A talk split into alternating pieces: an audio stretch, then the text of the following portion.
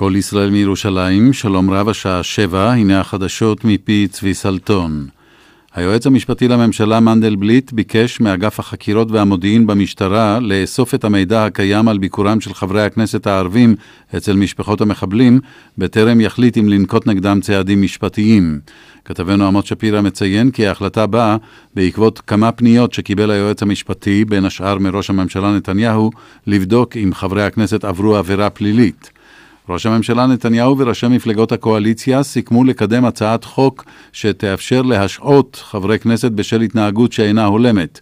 זאת על רקע ביקורם של חברי כנסת מסיעת בל"ד בבתי משפחות של מחבלים פלסטינים. על פי ההצעה המתגבשת, ההשעיה תחייב רוב של 90 חברי כנסת, בדומה לחוק להשעיית נשיא המדינה או יושב ראש הכנסת. יושב ראש הרשימה המשותפת איימן עודה מתייצב לצידם של חברי בל"ד ואומר כי נתניהו ושריו יודעים היטב שהם נועדו עם נציגי המשפחות הפלסטיניות כדי לסייע בסוגיה אנושית בסיסית, השבת גופות בניהם.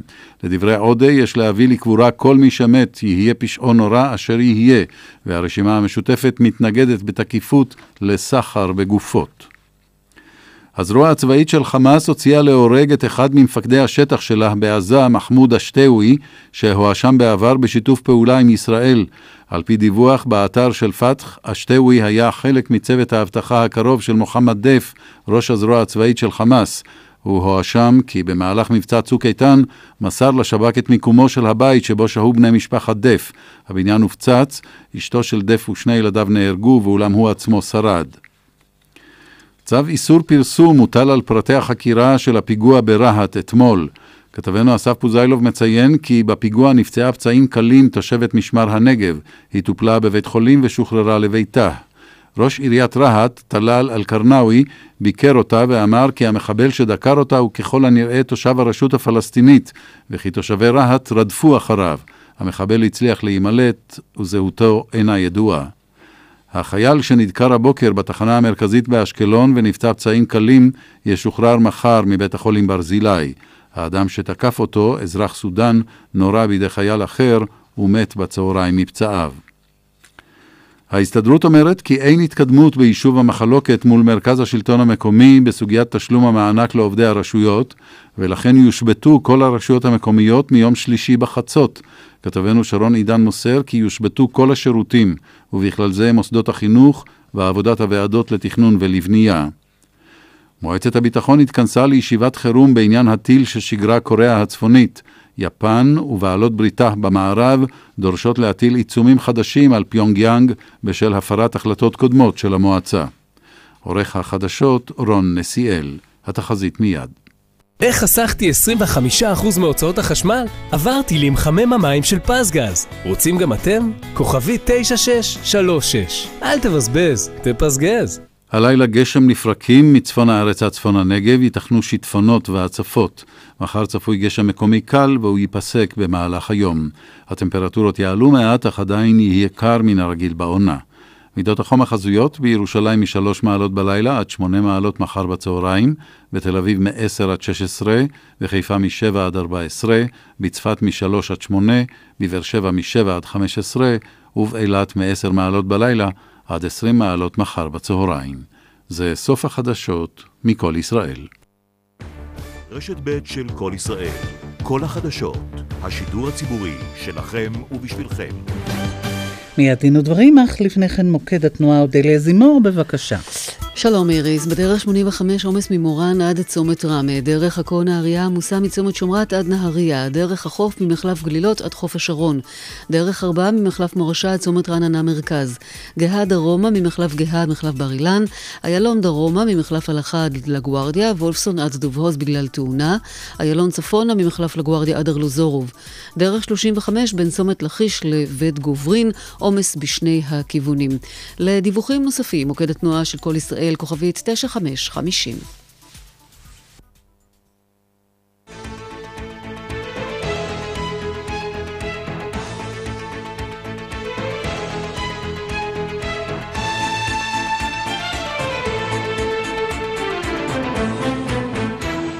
דין ודברים על חוק ערכים ודמוקרטיה ומה שביניהם עם משה נגבי.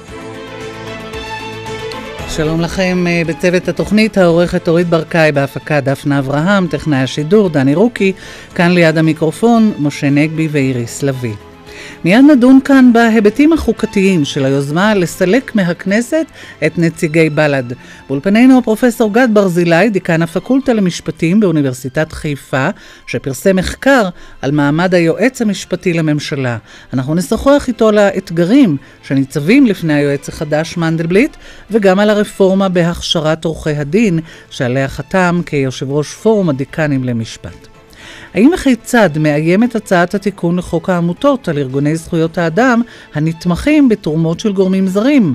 נשמע את עמדת האורחת באולפן, מנכ"לית האגודה לזכויות האזרח, עורכת הדין שרון אברהם וייס.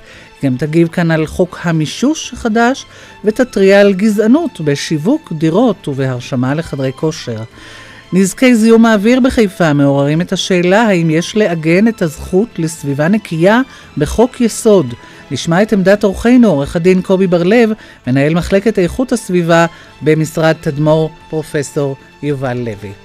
כל אלה איתנו בשעה הקרובה, אבל אנחנו נפתח כאמור במבט חוקתי על היוזמה להרחיק את נציגי בל"ד מהכנסת. משה. לפי החוק הקיים, איריס, יש דרך אחת ויחידה לסלק חברי כנסת מכהנים, וזה להעמיד אותם לדין ואם הם מורשעים בעבירה שיש עם הקלון, אפשר לסלק אותם אה, מהכנסת. זה כבר נעשה בשעתו לגבי חבר הכנסת אז צחי הנגבי, כאשר הוא הורשע אה, בעדות שקר.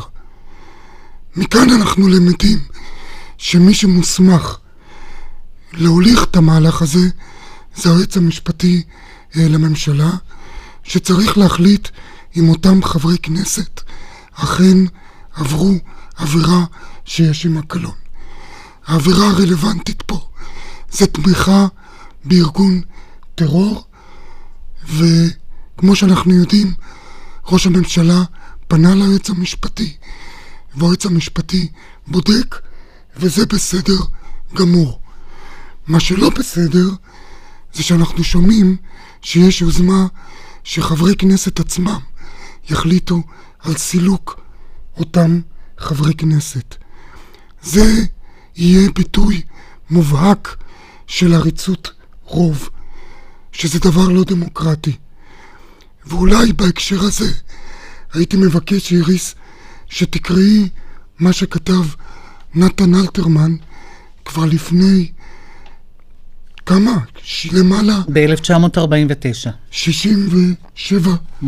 שנים אפילו יותר, אה, בטור השביעי בנובמבר 1949, כאשר חברי כנסת רצו להוציא מהכנסת את חבר הכנסת תופיק טובי על כך שהוא האשים את צה"ל בפשעי מלחמה.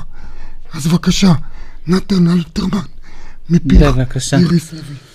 אז הנה כותב נתן אלתרמן ב-1949. ובכן, מי הוא תופיק טובי?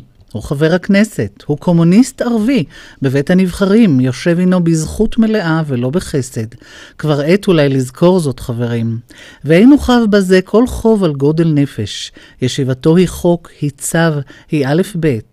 לא, אין הפרלמנט צריך ביד מונפת לזרוק לו מדי פעם את הגט. עת להחליט סוף סוף, ככל צירי הבית, גם טובי בו יושב בתוקף המשטר. ואם זה רציני, אין צורך כל יומיים על זו הפריבילגיה להגיש לו שטר. זה טיב הדמוקרטיה. אין נושאי כליה נושים תודה באיש. חלקה אולי לא קל, אך אם היא לא תהיה מובנת מאליה, היא לא תהיה מובנת לנו כלל. פרופסור גת ברזילי, איך אתה רואה את הדברים? תראה, על הביקור עצמו אני כמובן יודע רק מהתקשורת. אני באופן אישי מאוד מגנה אותו. נראה לי ביקור חסר טעם. אה, החזרת גופות ניתן גם אה, להסדיר את זה בטלפון או באמצעים אחרים. אה, נראה לי ביקור פרובוקטיבי, לדעתי מזיק לפלסטינים אזרחי המדינה. לא ברור במה הוא מועיל, יביא עליהם לגל של השמצות, לכן את הביקור עצמו אני מגנה. אבל אני לא, כרגע, עוד פעם, מבלי שאני יודע מעבר לתקשורת, אני לא חושב שיש להפעיל כלים משפטיים, ובכלל אני חושב שאת ה... אה, את המושג של שיתוף פעולה עם, עם אויב, יש לתת לזה פרשנות מאוד מאוד מצמצמת. היועץ המשפטי לממשלה, כך אני מבין, נכנס לעובי הקורה. הוא בוודאי ידע יותר עובדות. אני חושב, וזה גם כפוף כמובן לביקורת בג"ץ, שיש לתת למושג הזה פרשנות מאוד מאוד מצמצמת. אני גם חושש שהביקור הזה, שאני מאוד מגנה אותו, יביא לגל של הצעות חקיקה שתפעלנה בעצם צנזורה על עמדות ועל התנהגות פוליטית אה, במשטר אה, בישראל. אני כן רוצה רק לסיים ולומר, עם זאת, יש לנצל את הביקור המגונה הזה למחשבה גם של הרוב, אה, מה מביא אנשים לצאת לרחובות ולדקור בסכינים. נדמה לי שהתגובות, גם לביקור בכלל, הן תגובות מהצוהר של הרובה ולא תמיד דרך אה, משקפיים של תבונה פוליטית. כאמור, ביקור מגונה, אבל לדעתי אני לא רואה סיבה כרגע להפעיל אמצעים פליליים. עורכת הדין אה, שרון אברהם וייס. שלילת הזכות לחיים היא בוודאי אה, לא בסדר, אבל לעניין הסנקציות, אז אני חושבת שאפשר לשרטט פה קו, אם אנחנו מסתכלים בכנסת הקודמת, רצו להטיל סנקציות על חנין זועבי, אחר כך הוצע להעלות את אחוז החסימה, וכעת אנחנו רואים פגיעה, חשש לפגיעה במיעוט בקו הזה. אז אני רוצה להזכיר שגם בג"ץ, בפסק הדין בעניין העלאת אחוז החסימה, הדגיש את חשיבות ייצוג המיעוט הערבי בכנסת, ואף הגדיל ואמר שאם התוצאה של הבחירות, שלא יהיה ייצוג ערבי, שתהיה, שלא יהיה ייצוג ערבי בכנסת, אז ייבחן, תיבחן מחדש חוקתיות של החוק. אז בנסיבות האלה, הצעדים המוצעים כאן על פניו אינם חוקתיים. ונדמה שבאמת ההדהוד של אלתרמן מ-1949 עושה כאן איזושהי תובנה מאוד מסוימת, כן. עכשיו אנחנו נעבור אל הנושא הבא ואנחנו נחזור אליך, פרופסור גד ברזילי, דיקן הפקולטה למשפטים באוניברסיטת חיפה. בטקס חילופי היועצים המשפטיים לממשלה הפציר יהודה ויינשטיין ביורשו להתנגד לפיצול הסמכויות. כמי שפרסם מחקר על כל הנושא הזה של היועץ המשפטי, מה דעתך על זה, על הפיצול הזה? טוב, מדובר בסדרה של שני מחקרים. הראשון שבהם עוד ב-1997, אפילו לפני פרשת uh, ברון חברון וועדת שמגר, יחד עם קולגה שלי, uh, פרופסור דייב נחמיאס, המלצנו על שורה של רפורמות במעמד היועץ המשפטי. חלקן אומץ על ידי ועדת שמגר, למשל שיפור בדרכי המינוי. רעיון הפיצול נדחה, ושבתי על מחקר הרבה יותר השוואתי ב-2010. אני בעד הפיצול בין התביעה הכללית לבין היועץ המשפטי לממשלה. בקליפ, ממש בקליפת אגוז, אני חושב שהפיצול הזה יאפשר הקמת רשות תביעה כללית יותר אוטונומית, יותר אפקטיבית, יותר מקצועית, מבלי לפגוע כמובן בעבודה הטובה מאוד שעושה פרקליטות המדינה. מצד שני, יועץ משפטי לממשלה הוא ראש וראשון לאכיפת המשפט הציבורי האזרחי, יש לנתק אותו מהתביעה הכללית. לדעתי מצב שבו התביעה הכללית היא בעצם חלק מן המארג שמייעץ לממשלה.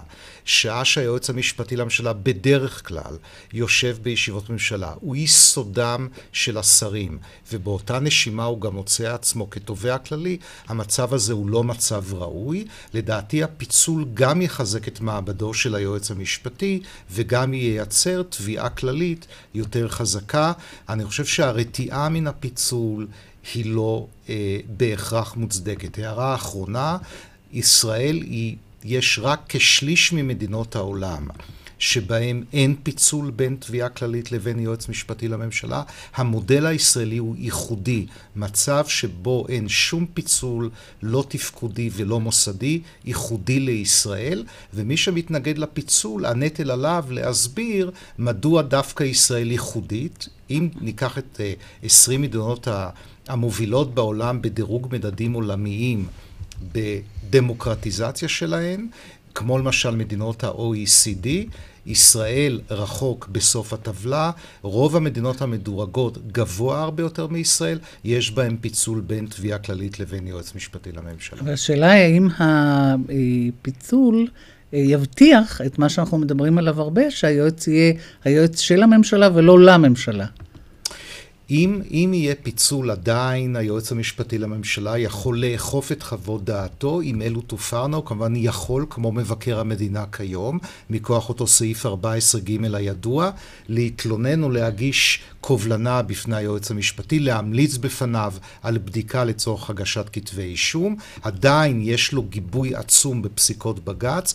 אין אף רגולטור שנהנה בפסיקות בית המשפט העליון מכל כך הרבה העצמה והיעדר התערבות בשיקול דעת, לכן גם אחרי הפיצול זה יהיה יועץ משפטי לא של הממשלה, אלא לממשלה. אני חושב שהיועץ המשפטי החדש עשה טעות גדולה כאשר הוא החליט לא לפסול את עצמו מלטפל אה, בתיקים של אה, משפחת נתניהו.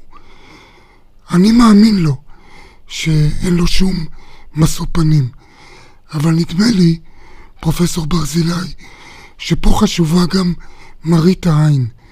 הרי כל התפקיד הזה, כל העצמאות הזאת, באה כדי שהציבור יאמין שאין מעורבות פוליטית.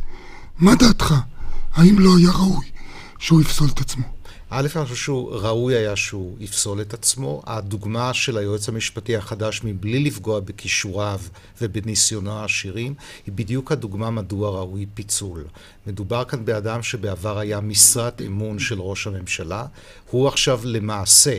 כיוון שהוא ממונה על פרקליט המדינה, ראש התביעה הכללית, ולדעתי המינוי הזה דווקא מחזק את הסיבות מדוע יש לחתור לפיצול, ואני מסכים מאוד עם נקודת מראית העין.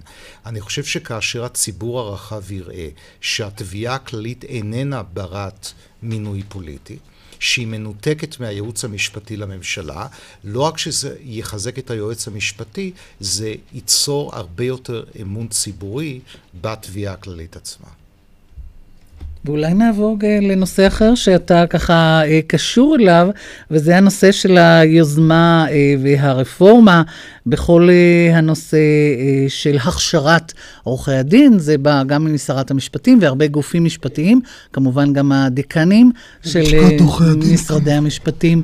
ומה באמת הצורך הכל כך גדול? האם עשרות אלפי עורכי הדין שיוצאים לשוק זקוקים לעוד שיפור? בישראל יש את מספר עורכי הדין הגבוה בעולם פר גודל אוכלוסייה. כמעט עורך דין אחד לכל 120 אזרחים, ועוד לא לקחנו בחשבון את התפלגות הגילאים. אני מאלו שסבורים שמספר עורכי הדין היא לא השאלה החשובה, אלא מה, מה עושים עורכי הדין בקולם. אם עורכי הדין הם שומרי הסף של משטר דמוקרטי, של זכויות אדם, מבחינתי שיהיו עוד ועוד עורכי דין. היוזמה המקורית של לשכת עורכי הדין הייתה להביא להארכת ההתמחות לשנתיים, ובעקבות משא ומתן, ואני מאוד רוצה להודות גם לאפי נווה, יושב ראש הלשכה, גם לשרת המשפטים איילת שקד, ניהלנו משא ומתן של כחצי שנה, ובעקבותיו החלטנו, האקדמיה, משרד המשפטים, לשכת עורכי הדין, על הארכת ההתמחות לשנה וחצי. אני סבור שזה יבלום במשהו את העלייה במספר עורכי הדין לאלו שמודאגים מהעלייה. מדוע אבל... בעצם? למה? כי זה הרבה מדי זמן? כי זה מנטרל אותם? כי... משום שבאופן כלומר, טבעי... כלומר, כל כך הרבה שנים לומדים וכל כך הרבה שנים יעבדו, אז דווקא השנה וחצי הזאת תעצור אותם? כי קיים תמיד מתאם הפוך, כמובן, בין אורך ההתמחות למספר המשרות למתמחים. אבל אני רוצה mm-hmm. להדגיש שיש שם שני הישגים מאוד יפים במתווה שהוסכם עליו, שאגב, חייב להפוך לתיקון לחוק לשכת עורכי הדין. אחד, שאנחנו הסכמנו לשנות את תכני בחינת לשכת עורכי הדין. יהיו שם הרבה יותר תכנים של דין מהותי. מהותי. ופחות פרוצדורה. ודבר שני, שתוקם נציבות משותפת שתפקח על איכויות ההתמחות. במשרדים השונים, ויש כמובן לקוות שזה יצא אל הפועל. אני מבין שמי שיהיה לו תואר ראשון במקצוע אחר, תקופת ההתמחות שלו תהיה קצרה יותר. כן, מי שיהיה לו תואר ראשון במקביל או קודם, או תואר שני, לא יתמחה שנה וחצי, אלא שנה. מתוך הנחה ש... מתוך הנחה... יש לו כבר איזשהו בסיס... אה, שיש לו בסיס קונספטואלי יותר טוב. וזה גם רצון אולי לעודד אה, השכלה רחבה יותר. כן, זה יעודד השכלה רחבה במקצוע המשפטי, אבל יש להוסיף אה, סייג אחד, שבאותם מקרים הפקולטאות למשפטים תצטרכנה להעניק יותר חינוך של פרקטיקום, למשל קליניקות משפטיות, כאיזשהו תחליף לאותה חצי שנת אה, התמחות. הרבה מאוד תלוי מכאן ואילך, א', בהצעת תזכיר החוק שתוכן, שניים, בדיונים בוועדת חוקה, חוק ומשפט של הכנסת, וכמובן, אני מקווה שכל הצדדים יעמדו בדברם, כך זה נראה, ואני עוד פעם רוצה להודות גם לשרת המשפטים וגם לראש אה, לשכת עורכי הדין. כשאתה מדבר על באמת על איכות עורכי הדין, גם הנושא החברתי, גם אותם אה, קליניקות, גם המעורבות והפרובונו, כל הדברים שעורכי דין בסופו של דבר מועדים לעשות, רוצים לעשות, זה משהו שצריך לחנך אליו כבר בלימוד? אנחנו עושים את זה, לא רק הפקולטה למשפטים בחיפה, אם כי אנחנו מאוד גאים בזה, גם פקולטאות אחרות. לרבות מהפקולטות יש היום אה, קליניקות משפטיות. אני יכול לדבר בשם הפקולטה שלי על שמונה קליניקות משפטיות, שעוסקות בעצם בטיפול פור בונו, אה, שימוש במשפט למטרות של צדק חברתי. פרופסור ברזילי, אתה עסקת הרבה בנושא של ביקורת בזמן מלחמה, תקשורת בזמן מלחמה. מה דעתך על הדרישה של הצנזורה שגם בלוגרים יגישו לה חומר לביקורת? איך אתה רואה את ההתפתחות הזאת? באופן עקרוני, אני נגד צנזורה מלכתחילה. צנזורה יכולה להיות בדיעבד, במצבי קיצון ביותר, צנזורה הוא מכשיר... ענישה בדיעבד. ענישה בדיעבד, צנזורה הוא מכשיר היום למשטרים דמוקרטיים, בוודאי במשטר כמו המשטר הישראלי, שנאבק במצבי חירום ובטרור, ולכן אני חושב שהרעיון הזה הוא רעיון רע. אם בדיעבד מסתבר שמישהו הסית, שמישהו אה, פגע לכאורה בחוק ויש מקום לאיזושהי בדיקה, זה עניין אחר. אבל לחייב מראש אנשים להעביר מידע לצנזורה ראשית, כאשר לצנזורה, זה לא צנזורה צבאית, נאמר, כן? זה, זה לא איזשהו צ... קונספט אחר. זו החמרה מדאיגה מאוד במצב חופש הביטוי. אני רואה אותה בשורה אחת עם צעדים אחרים שנעשו, כמו ניסיון לצנזר ספרי לימוד, ולכן אני חושב שמבחינת כל תיאוריה דמוקרטית או כל תיאוריית משפט זה צעד פסול. עורכת הדין אה, אברהם וייס. אני בהחלט uh, מסכימה. אנחנו uh, רואים פה פגיעה בחופש הביטוי שמצטרפת uh, לעוד uh, צעדים נוספים. גם נאמר פה לעניין uh, ספרי אזרחות למשל, אבל לא רק, גם עניין של uh, חוק העמותות. אנחנו רואים פה צמצום בפלורליזם של הדעות שיכולות להיות מושמעות. ובמדינה דמוקרטית היא נמדדת בין היתר, החוסן שלה נמדד במרחב הדמוקרטי שהיא מסוגלת לאפשר. כלומר, אם אבל יש מישהו שמסית, ואני חוזרת אליך, פרופסור ברזילי, שכבר נראה באיזשהו בלוג שהוא אמר דברי הסתה, אז אתה היית כן מצדד באיזשהו סוג של צנזורה עליו, או שמירה, או איזשהו אה, ניטור מרחוק של בלוגים או אתרים שמפרסמים? בעיקרון לעניין זה אני לא רואה הבדל בין חופש ביטוי online ל offline, ברשת או מחוץ לרשת. אם אדם, ואלו מצבי קיצון, הסית לאלימות, הסית אה, כנגד המדינה, אבל עוד פעם אני מדגיש במצבי קיצון, אה, יש מקום לבדיקה, אבל זה לא קשור לצנזורה. הצנזורה מלכתחילה היא בעצם עונש על הניסיון להביע דעה בלי קשר לתכני הבעת הדעה. וכאן, לכן מדובר כן. ברעיון אה, לא מוצלח. אז אם אנחנו מדברים על אונליין ועל כל אותם, אה, לא רק בלוגרים, אלא אלה שמגיבים להם, ועל אותם אה, דברי בלע, והשמצות, וטוקבקים, ושיימינג, וכל הרעות החולות האלה, אז הכל בעצם יכול להיות פתוח אה, בלי שום שליטה. מה אתם אומרים? מה את אומרת על כך? שרון אברהם וייס. עבירות הסתה הן מאוד מוגבלות, זה עניין אה, פלילי, וכמו שנאמר פה, מצבי קיצון. אה, כשיש הסתברות אה, מאוד כן, גבוהה. כן, שקרובה לוודאות, יש הסתה לאלימות, יש קריאה לפגיעה. ברוב המקרים צריך לאפשר חופש ביטוי רחב, גם שהוא לא נעים ונוח לי, לצורך העניין. והמשמעות היא שאנחנו צריכים כחברה לסבול כל מיני דעות, כל עוד אין קריאה מכוונת וברורה שהיא עבירה פלילית לפעולה. פרופסור ברזילי? כן, אני, אני מסכים בהחלט. עוד פעם, באופן עקרוני, הרי חופש ביטוי יש לו גם עלויות יש לו החצנות שהן לא תמיד נעימות. טוקבקים, כשאני מפרסם טור דעה בעיתון, אני יודע שאני גם אספוג טוקבקים לא נעימים. זה חלק מה... בעיתון פחות, כי זה יהיה במכתבים למערכת של עוד שלושה ימים, כן. אבל ברשת באמת, ברשת אתה תקבל מיד אולי קללות, אולי איומים, אולי דברים איומים ששמענו עליהם. נכון, וזה קרה גם לי, וזה חלק מחופש הביטוי. אני חושב שאסור לרגולטורים משפטיים להתערב בחופש הביטוי, אלא במצבים מאוד מאוד נדירים, ולכן די במנגנונים פליליים של ענישה בדיעבד, ואני הייתי נמנע מכל צנזורה מלכתחילה. מה עם קמפיין כמו קמפיין השתולים למשל? כלומר, להוקיע קבוצה מסוימת כשתולים, כאלה שעושים כך וכך? גם כאן לא היית מפעיל את החוק. אני, תראו, אני חושב שהתגובה הנכונה לקמפיין השתולים היא תגובה ציבורית. והיא הוכיחה את עצמה, של... לפחות בשלב האחרון. אני חושב שלמשל ההופעה הטלוויזיונית של השחקנית גילה אלמגור הייתה מרשימה ביותר ואפקטיבית מאוד. בזה... והיא ספגה קללות רבות, היא ספגה ממש קללות uh, קשות. אבל בזה, mm-hmm. עוד פעם, אלא במצבי קיצון. אם אדם וחס ושלום נשק בידו פוסע לעבר מישהו אחר, כאן המשפט הפלילי צריך להתערב, ו/או המשטרה. בכל מצב אחר, יש להשאיר את זה עם כל האי-נעימויות למאבק השוק של הדעות. עורכת הדין אה, שרון אברהם וייס? אה, כמי שהופיעו ברשימות השחורות, האגודה לזכויות האזרח, אני יכולה לומר שאנחנו חשבנו שלא מדובר בהסתה במובנה הצר כפי שאנחנו רואים אותה, בדיוק אה, מאותן לא הגשתם תלונה עקביות. למשטרה. לא, לא הגשנו תלונה ולא לא בטעות. העניין הוא להיות עקבי, ואם אני אומרת חופש ביטוי לכולם, אז זה לכולם, גם לדעות שצורמות ולא נעימות לי, וגם כאשר מבקרים אותי. אה, אני רוצה לאפשר דיון במרחב הציבורי, ואכן אה, התשובה לזה היא ביקורת אה, ציבורית, היא חינוך, היא דיבור בנושא הזה, ולא כלי משפטי ככלי ראשון לפתרון בעיות חברתיות. אנחנו נסתפק בדברים האלה עד כאן. תודה לך, פרופסור גד ברזילי, לך עורכת הדין שרון אברהם וייס. אתם כמובן נשארים איתנו. אנחנו נפנה לקצת פרסומת, עדכון חדשות ונחזור.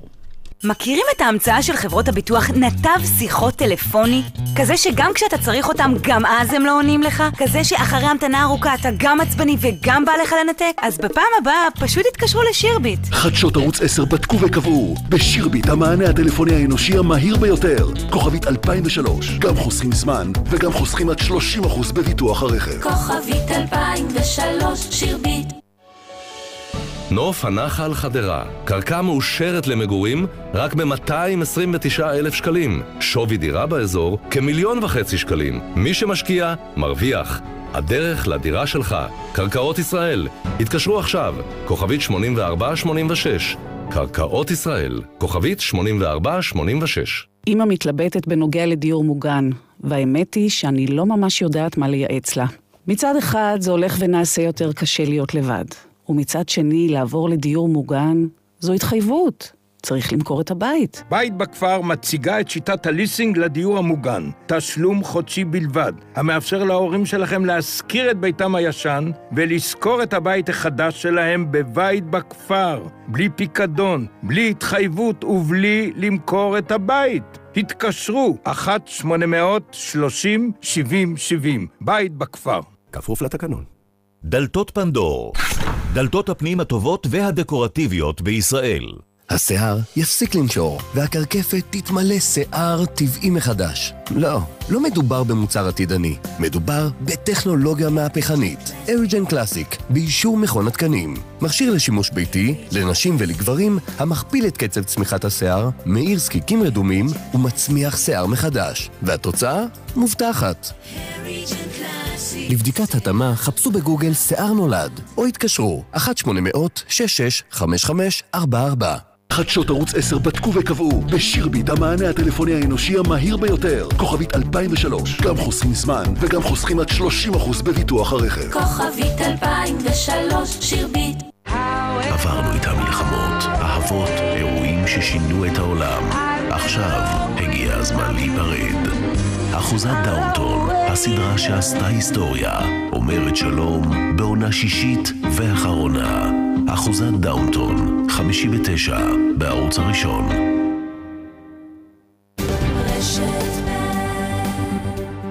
ועכשיו אנחנו עם עדכון החדשות. צבי סלטון, בבקשה. תודה, שלום לכם. היועץ המשפטי לממשלה ביקש מהמשטרה לאסוף פרטים על ביקורם של חברי הכנסת הערבים אצל משפחות המחבלים, בטרם יחליט אם לנקוט נגדם צעדים משפטיים. ראש הממשלה נתניהו סיכם עם ראשי מפלגות הקואליציה לקדם הצעת חוק שתאפשר להשעות חברי כנסת ברוב של 90 מחברי הבית. הזרוע הצבאית של חמאס הוציאה להורג את אחד ממפקדי השטח שלה. על פי מקורות פלסטיניים הוא מסר לשב"כ את מיקומו של הבית שבו שהו בני משפחתו של מוחמד דף במהלך מבצע צוק איתן. מועצת הביטחון התכנסה לגנות את קוריאה הצפונית על הטיל ששיגרה. ההסתדרות אומרת כי אין התקדמות ביישוב המחלוקת מול מרכז השלטון המקומי ולכן תשבית מיום שלישי בחצות את כל הרשויות המקומיות. התחזית גשם לפרקים עד מחר. זה העדכון. מכירים את התחושה שאתם הולכים לעבודה, נפגשים עם חברות וחברים, מסיעים את הילדים, אבל מחכים כל היום לחזור לספר שמחכה לכם ליד המיטה? רכבת היתומים, רומן היסטורי מרתק על שתי גיבורות שלא תשכחו. סיפור על מפגש מרגש בין שתי יתומות, האחת צעירה בת 17 והאחרת בת 92, ועל חיבור בלתי אפשרי בין דורות וזיכרונות. רכבת היתומים, רב מכר עוצמתי וסוחף, בהוצאת ידיעות ספרים, ספר גדול מהחיים. דלתות פנדור, דלתות הפנים הטובות והדקורטיביות בישראל. אמא מתלבטת בנוגע לדיור מוגן, והאמת היא שאני לא ממש יודעת מה לייעץ לה. מצד אחד זה הולך ונעשה יותר קשה להיות לבד, ומצד שני לעבור לדיור מוגן זו התחייבות. צריך למכור את הבית. בית בכפר מציגה את שיטת הליסינג לדיור המוגן, תשלום חודשי בלבד, המאפשר להורים שלכם להשכיר את ביתם הישן ולשכור את הבית החדש שלהם בבית בכפר, בלי פיקדון, בלי התחייבות ובלי למכור את הבית. התקשרו, 1-830-7070, בית בכפר. כפוף לתקנון. בואו נודה על האמת, כאבי הברכיים וכאבי הגב מונעים מאיתנו רבות מהנאות החיים. הליכה, יציאה לטיולים, עלייה במדרגות. לא חבל. אם תתקשרו לאפוסטרפיה, תוזמנו מיד לבדיקת הליכה ממוחשבת ולאבחון קליני של פיזיותרפיסט, ותותאם לכם טכנולוגיה רפואית כדי שהעומס על הברכיים ועל הגב ירד והכאב יפחת. הבדיקה חינם, והטיפול בהשתתפות הביטוחים המשלימים של קופות החולים. חפשו בגוגל אפוסטרפיה, או התקשרו כוכבית 2767. חמישי בערוץ הראשון. אני אולי לא גדול הדור, ואני אולי לא עשיר גדול, ואני רוצה להתחתן עם אלישבע. סדרת הדרמה עטורת השבחים. מגיע לי מזל טוב. אני התארסתי הערב. שטיסל, העונה הראשונה. חמישי, תשע וחמישים בערוץ הראשון.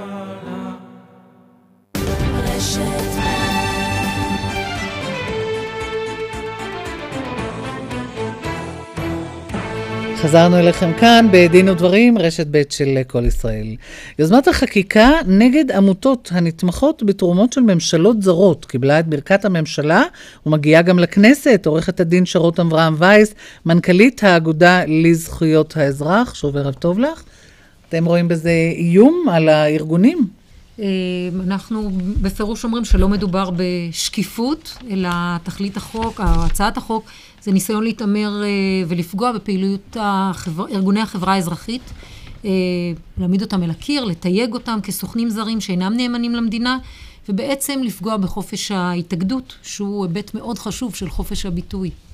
אבל אם, אם ממילא התרומות שלכם מתפרסמות, מה אכפת לכם שיהיה דיוק נוסף? אז כמו שאמרתי, קודם כל לא מדובר בשקיפות, כי, כי בדיוק כמו שציינת, אנחנו, כל ארגוני החברה האזרחית בכלל, אני אומר שהצעת החוק הזו בכלל לא תחול על האגודה לזכויות האזרח, אבל יש פה עניין עקרוני, ולכן אנחנו נאמנים בחזית של המאבק הזה, ש... אנחנו שקופים כבר היום, כל הארגונים פעם ברבעון צריך לדווח על כל ההכנסות, וזה נמצא. זאת אומרת, אין שום משמעות אופרטיבית להצעת החוק הזו, מלבד סוג של שיימינג.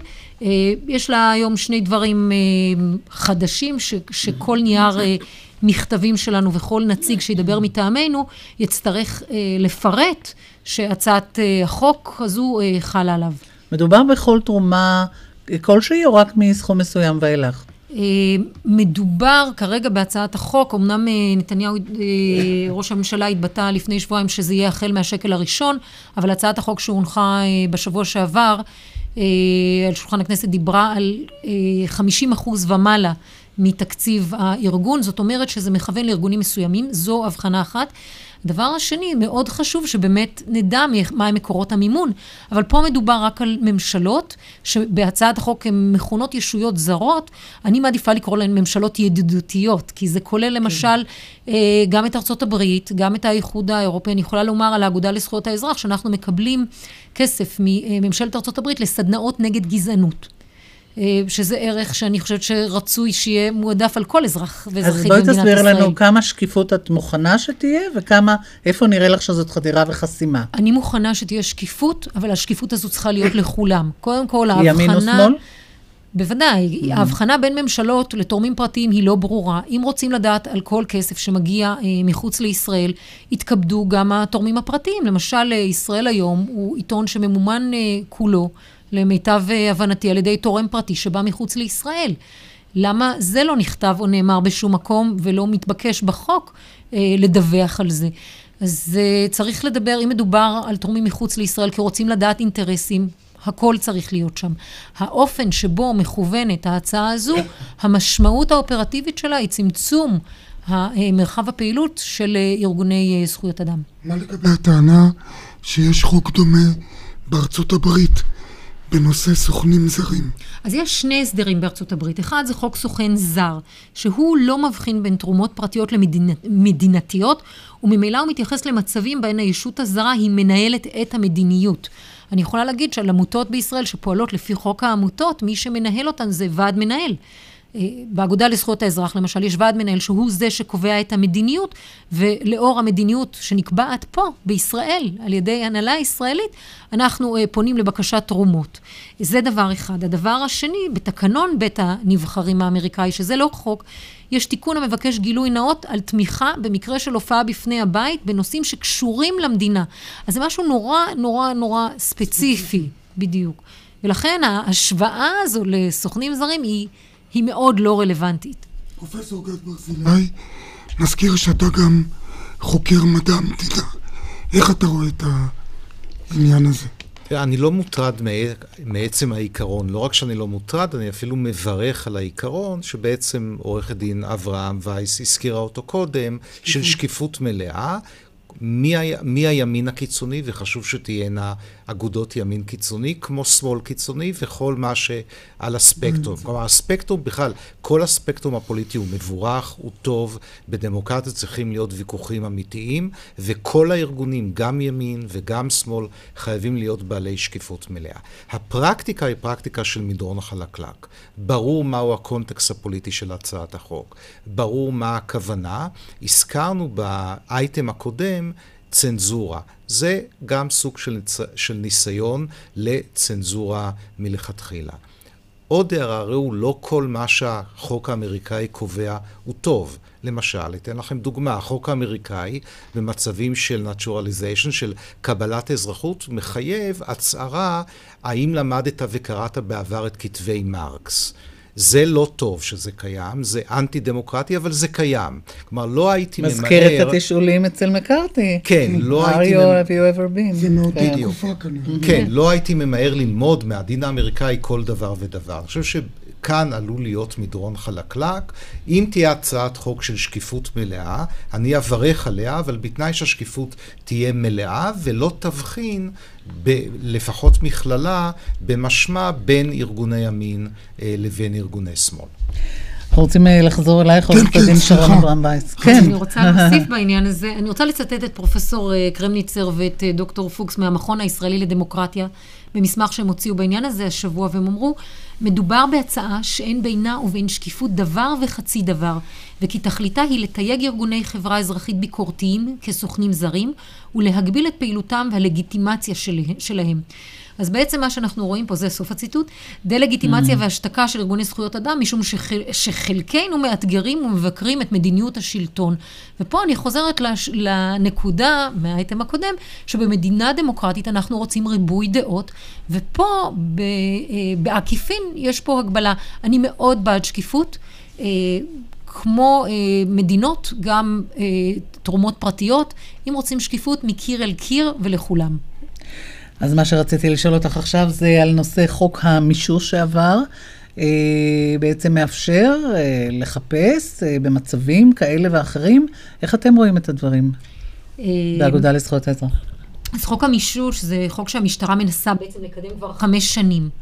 ובאצטלות שונות, הפעם הטרמפ, כפי שאנחנו רואים את זה, זה לעניין הביטחוני. הרעיון זה בקשה לסמכות חיפוש באזורים של מועדונים במקור.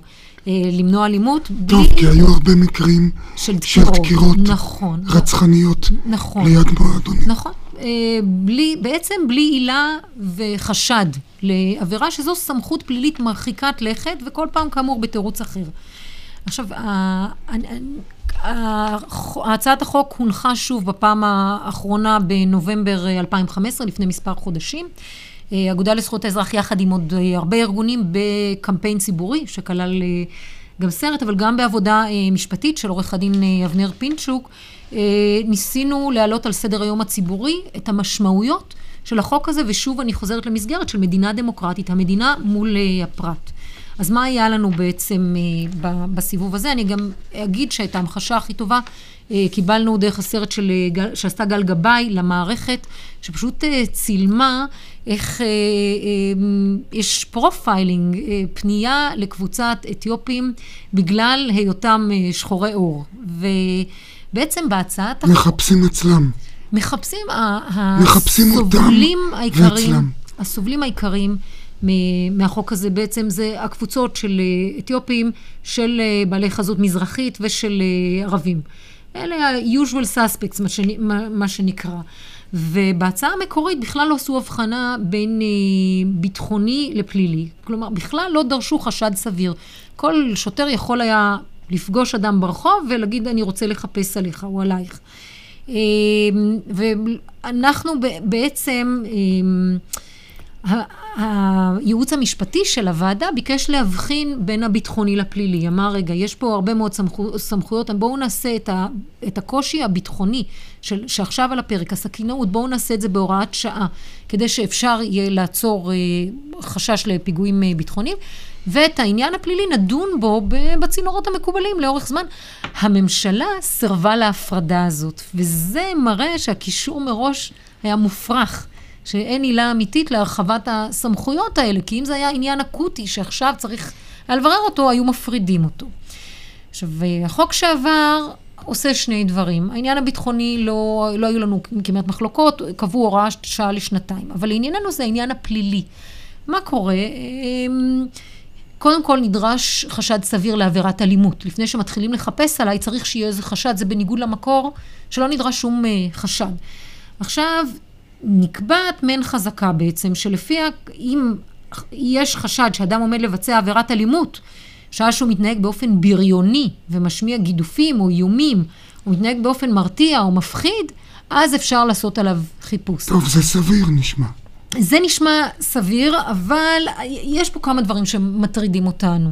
אחד זה הסיפור של ה profiling, כמו שאמרתי, mm-hmm. מי שהולך להיפגע ישירות מהסיפור הזה זה קבוצות מיעוט.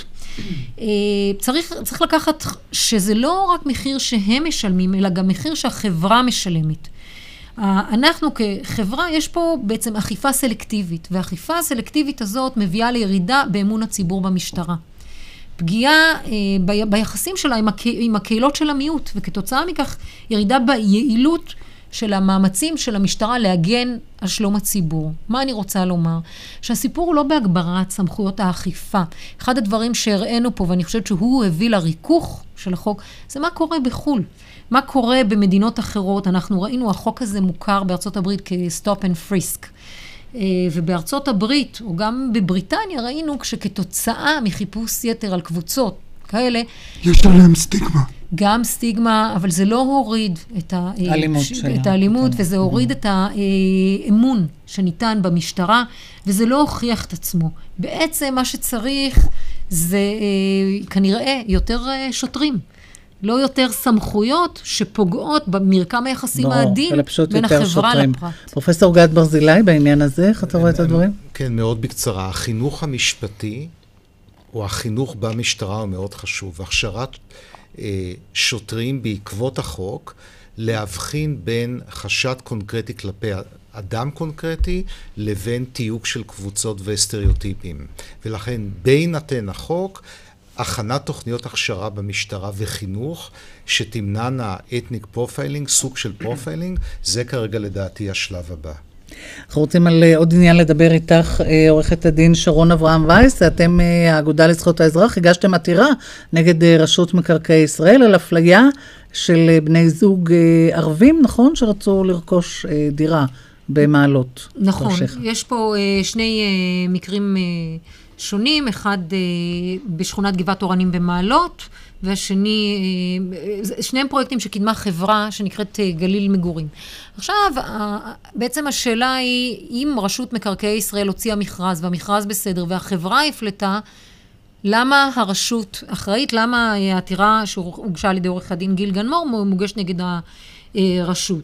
והדגש מבחינתנו הוא המחדל של רשות מקרקעי ישראל להיאבק באפליה בדיור.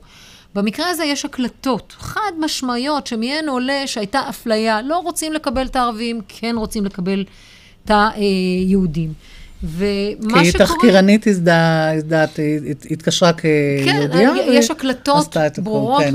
לדברים האלה. עכשיו, מה קורה? אנחנו, הטענה שלנו היא שהרשות מציגה סטנדרט סלחני ביותר לאפליה הסמויה. אה, כעורכת דין לזכויות אדם, אני יכולה לומר שמאוד קשה להוכיח אפליה. מאוד מאוד קשה. והנה כאן יש לכאורה את כל הראיות, והרשות מגמגמת במקרה הטוב, ולכן העתירה היא נגדה, יש שתי, שתי דרכים. אחד זה לפסול את כל הזכייה במכרז, במקרה הזה מכל מיני סיבות כבר אי אפשר לעשות את זה. והדבר השני שאותו אנחנו מבקשים זה הטלת קנס של 15% משווי הזכייה. אמ, על אה, מי שהפר והפלה. במקרה הזה, אה, אני אומר שבארצות הברית יש תוכנית שבודק, מדינתית שבודקת אפליה באופן יזום. ואצלנו זה מדשדשים ומנסים אה, לטייח ולא לראות את האפליה, ואנחנו חושבים שקנס אה, כספי ימגר או יצמצם את האפליה ויבהיר לרשות שאסור להפליט. מה דעתך על התופעה של פליאה לציבור דתי בלבד? אה, מדובר כאן במשאבי אה, ציבור, ולכן אני חושבת שזו אפליה לפנות רק לדיור אה, חילוני או דתי או ערבי או אחר. פנייה לאוכלוסייה ספציפית גורמת הבחנה, הבדלה. כמו שראינו באותו תשדיר לפני כמה חודשים. נכון, ולכן אנחנו בהחלט טוענים שיש כאן אפליה. עורכת הדין שרון אברהם וייס, מנכ"לית האגודה לזכויות האזרח, תודה רבה לך. ואנחנו עוברים עכשיו אל הנושא הבא, שגם הוא חשוב. נזקי הזיהום בחיפה מעלים את השאלה אם אה, ראוי לעגן את זכותנו של כולנו לסביבה נקייה בחוק יסוד. ועורך דין קובי בר-לב, מנהל מחלקת איכות הסביבה במשרד תדמור, פרופסור יובל לוי, איתנו, שלום לך. שלום, ערב טוב. אז אה, בוא תאמר לנו גם מה דעתך, ואולי תספר קודם על מחקר שנעשה באמת על הזיהום בחיפה.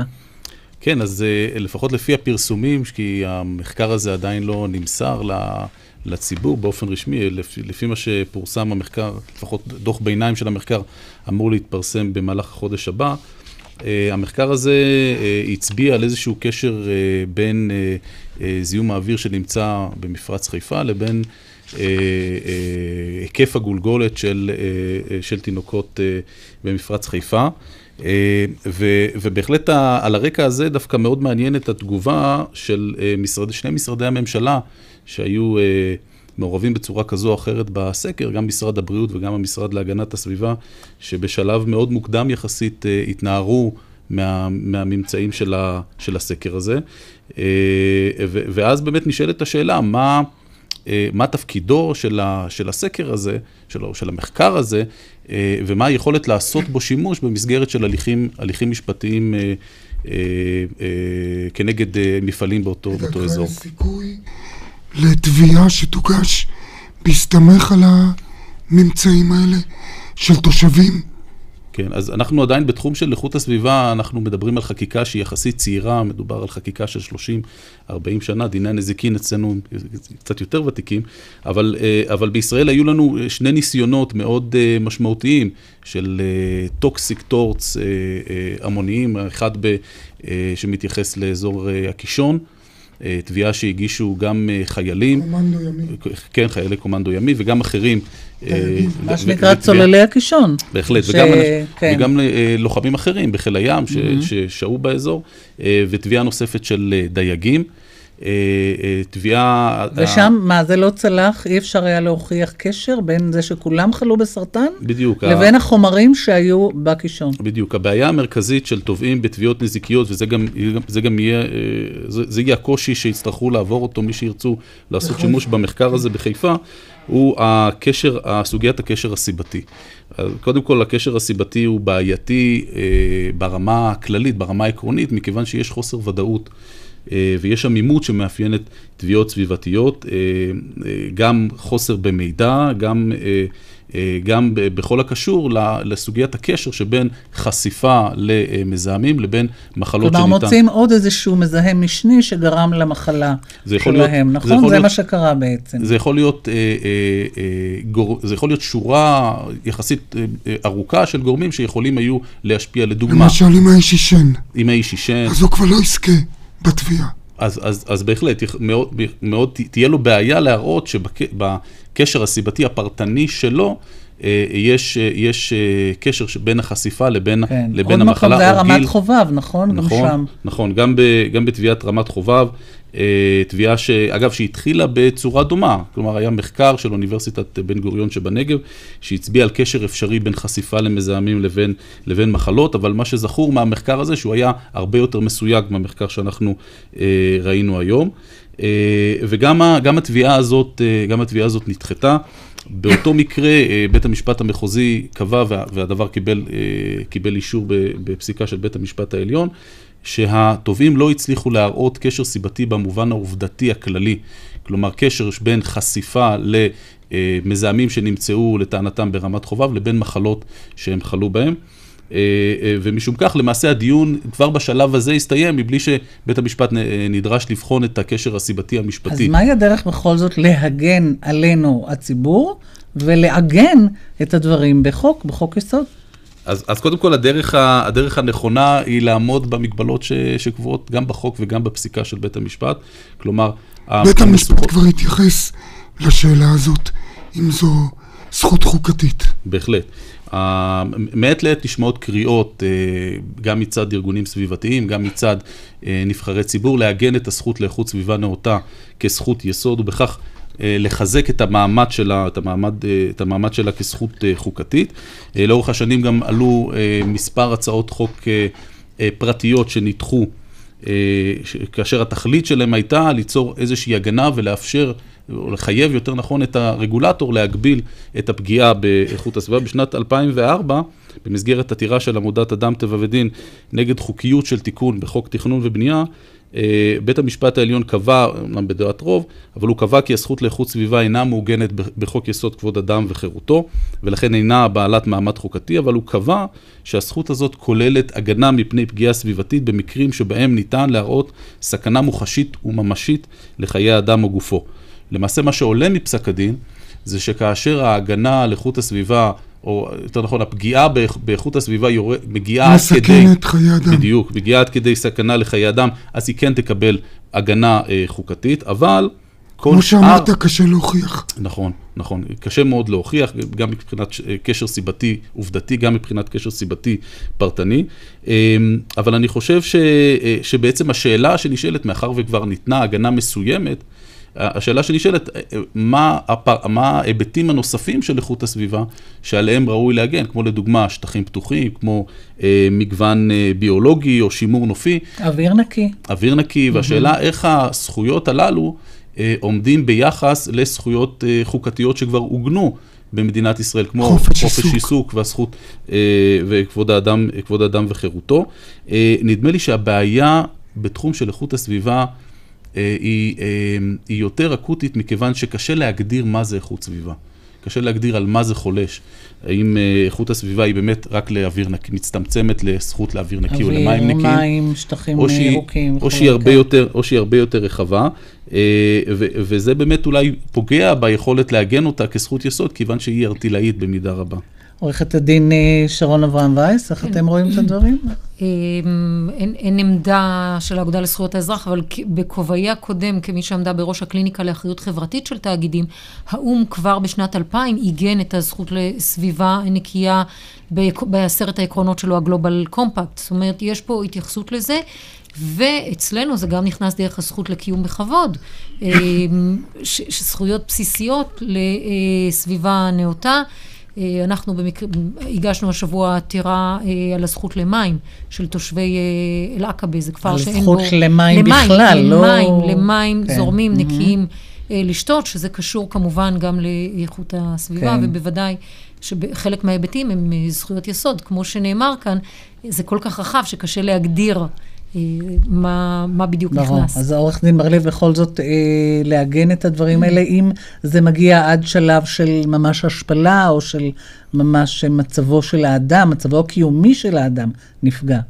בהחלט, יש, אה, אה, זה קורה לא אחת, במד- בעיקר במדינות העולם השלישי, שהמצב של, אה, מצב איכות הסביבה מידרדר לרמה כזאת שהוא באמת פוגע ביכולת הקיום האנושית. אנחנו מכירים, בוודאי, אנחנו מכירים אה, דוגמאות של, אה, אה, של זיהומים סביבתיים מאוד מאוד נרחבים. אפשר לתת לדוגמה אה, פרשות בארצות הברית, אה, שנבנה ממש בית ספר, זה נקרא Love Canal, נבנה ממש בית ספר על אתר של פסולת רעילה. אה, מה שהביא בסופו של דבר אה, לחקיקה של חוקי, חוקים פדרליים בתחום של איכות הסביבה, אה, אבל האירוע הזה באמת היה אירוע מכונן שם בארצות הברית, הוא כמובן, מפגעים מהסוג הזה קיימים בעיקר במדינות עולם שלישי, ואנחנו לשמחתנו עדיין לא הגענו למצב הזה. אני מבין שאתם מארגנים איזה כנס בהחלט. בסוף החודש, חלק מהנושאים שדיברנו עליהם כאן יעלו בכנס שנקרא סביבה 2050, שיתקיים בסוף החודש. מי שמארגן אותו זה חברה לשירותי איכות הסביבה ומשרד עורכי הדין שלנו, תדמור, פרופסור יובל לוי. השתתף בו גם השר להגנת הסביבה, אה, והשתתפו בו גם ארגונים ירוקים ומפעלי תעשייה, וזה באמת פורום של, כן. של פלטפורמה להעלאת הנושאים הסביבתיים. יפה. וגם האגודה תהיה שם. בשמחה רבה, נשמח לראות אתכם. אז אנחנו נסיים כאן. תודה רבה לכל אורחינו, לפרופסור גד ברזילי, לעורכי הדין שרון אברהם וייס וקובי בר-לב. עורכת התוכנית אורית ברקאי, מפיקה דפרה אברהם, הטכנאי חיים בריסקין, באולפן היינו משה נגבי ואיריס לביא. ניתן להאזין לנו באתר רשת ב' וגם ביישומון של כל ישראל. שידור חי של דין ודברים גם ביום ראשון הבא, אחרינו מהדורת מבט מהערוץ הראשון. ערב טוב.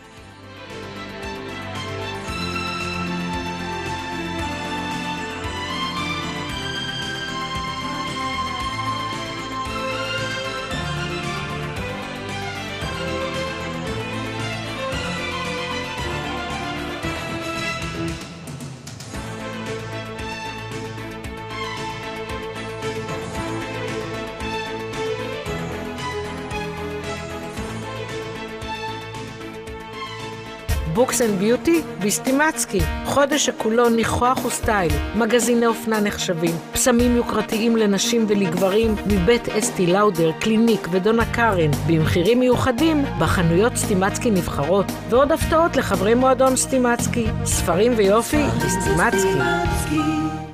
ידעתם שאפשר לשקם את כל השיניים, להשלים שיניים חסרות, להשתיל שתלים בתוך כמה שעות בהרדמה חלקית או מלאה? כאן דוקטור אגדי. היום, בזכות טכנולוגיה חדישה, במפגש אחד, בתוך שעות אחדות, תוכלו להשלים טיפול ולצאת הביתה בחיוך. העולם התקדם, גם רפואת השיניים. חפשו באינטרנט, השיניים שלי, או התקשרו, 1-800-60-90-60. סובלת מנשירת שיער? בואי לאבחון מיקרוסקופי בהר קליניק. 90% הצלחה בטיפול בנשירת שיער. התקשרי עכשיו, מעבדות הר קליניק, כוכבית 2646. בני הגיל השלישי, רשת מגדלי הים התיכון יוצאת במסלול תקופת ניסיון ללא פיקדון. עכשיו גם בבית בירושלים. לפרטים חייגו כוכבית 6010. מגדלי הים התיכון, מעניין לחיות פה. הרגע הזה, הרגע שבו הילדה הקטנה שלך עולה על במה בפעם הראשונה, בחצאית טוטו ונעלי בלט, והקהל מריע כשהיא עושה פליה מושלם. ואתה? אתה לא שם. כי אתה מבין שיש רגעים שבאמת לא יחזרו. שברולט באירוע השקה שלא תרצו להפסיד. קמרו, רכב הספורט המיתולוגי בפעם הראשונה בישראל. הטבות מיוחדות לרוכשים, ובנוסף, יוגרל קמרו לשבוע שלם. וזו רק ההתחלה. שישי הקרוב, 12 בפברואר, מ-9 בבוקר ועד 3 אחר הצהריים. לגו ראשון לציון. הכניסה חופשית. להרשמה ייכנסו לאתר שברולט או חייגו כוכבית 3505. כפוף לתקנון. ולנטיינס דיי, במשביר לצרכן. חברי מועדון, כדאי שתשיגו את הכרטיס שנותן את המשביר בחצי המחיר. פלוס הנחות נוספות על מגוון ענק של פריטים. לדוגמה, הלבשה תחתונה שבמבצע בחצי מחיר. דלתא, לי קופר, גו אנדר ועוד. המשביר לצרכן, כפוף לתנאי המבצע. בני הגיל השלישי, רשת מגדלי הים התיכון יוצאת במסלול תקופת ניסיון ללא פיקדון. עכשיו גם בבית ברמת השרון. לפרטים חייגו כוכבית 6010. מגדלי הים התיכון, מעניין לחיות פה. רשת ב' של כל ישראל. אנו עוברים עתה אל הטלוויזיה הישראלית, הערוץ הראשון, לשידור מהדורת מבט.